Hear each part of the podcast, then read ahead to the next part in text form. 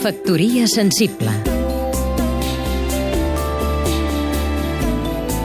Sergi Dòria, periodista i expert en comunicació. Grandesa de Gaziel.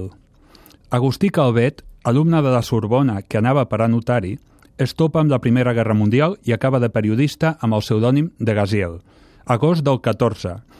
Els alemanys a pocs quilòmetres de París. Tothom marxa, però Gaziel prefereix restar sol a la pensió.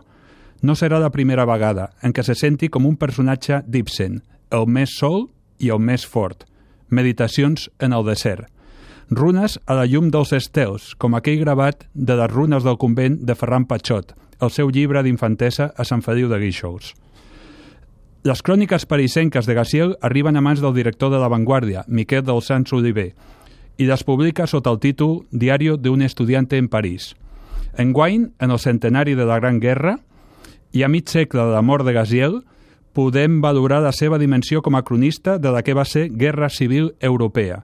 Publicat per l'editorial Diéresis, el diari d'un estudiante anticipa la lucidesa de tota la seva obra posterior. Gaziel publicarà 350 cròniques que plegaran quatre llibres. A Verdun s'aboca una fossa comuna de 100.000 francesos. Quan la fossa es cobreixi de terra, només restarà un pequeño túmulo de gloria, con una cruz en lo alto y un cartelón con varios nombres olvidadizos, vulgares.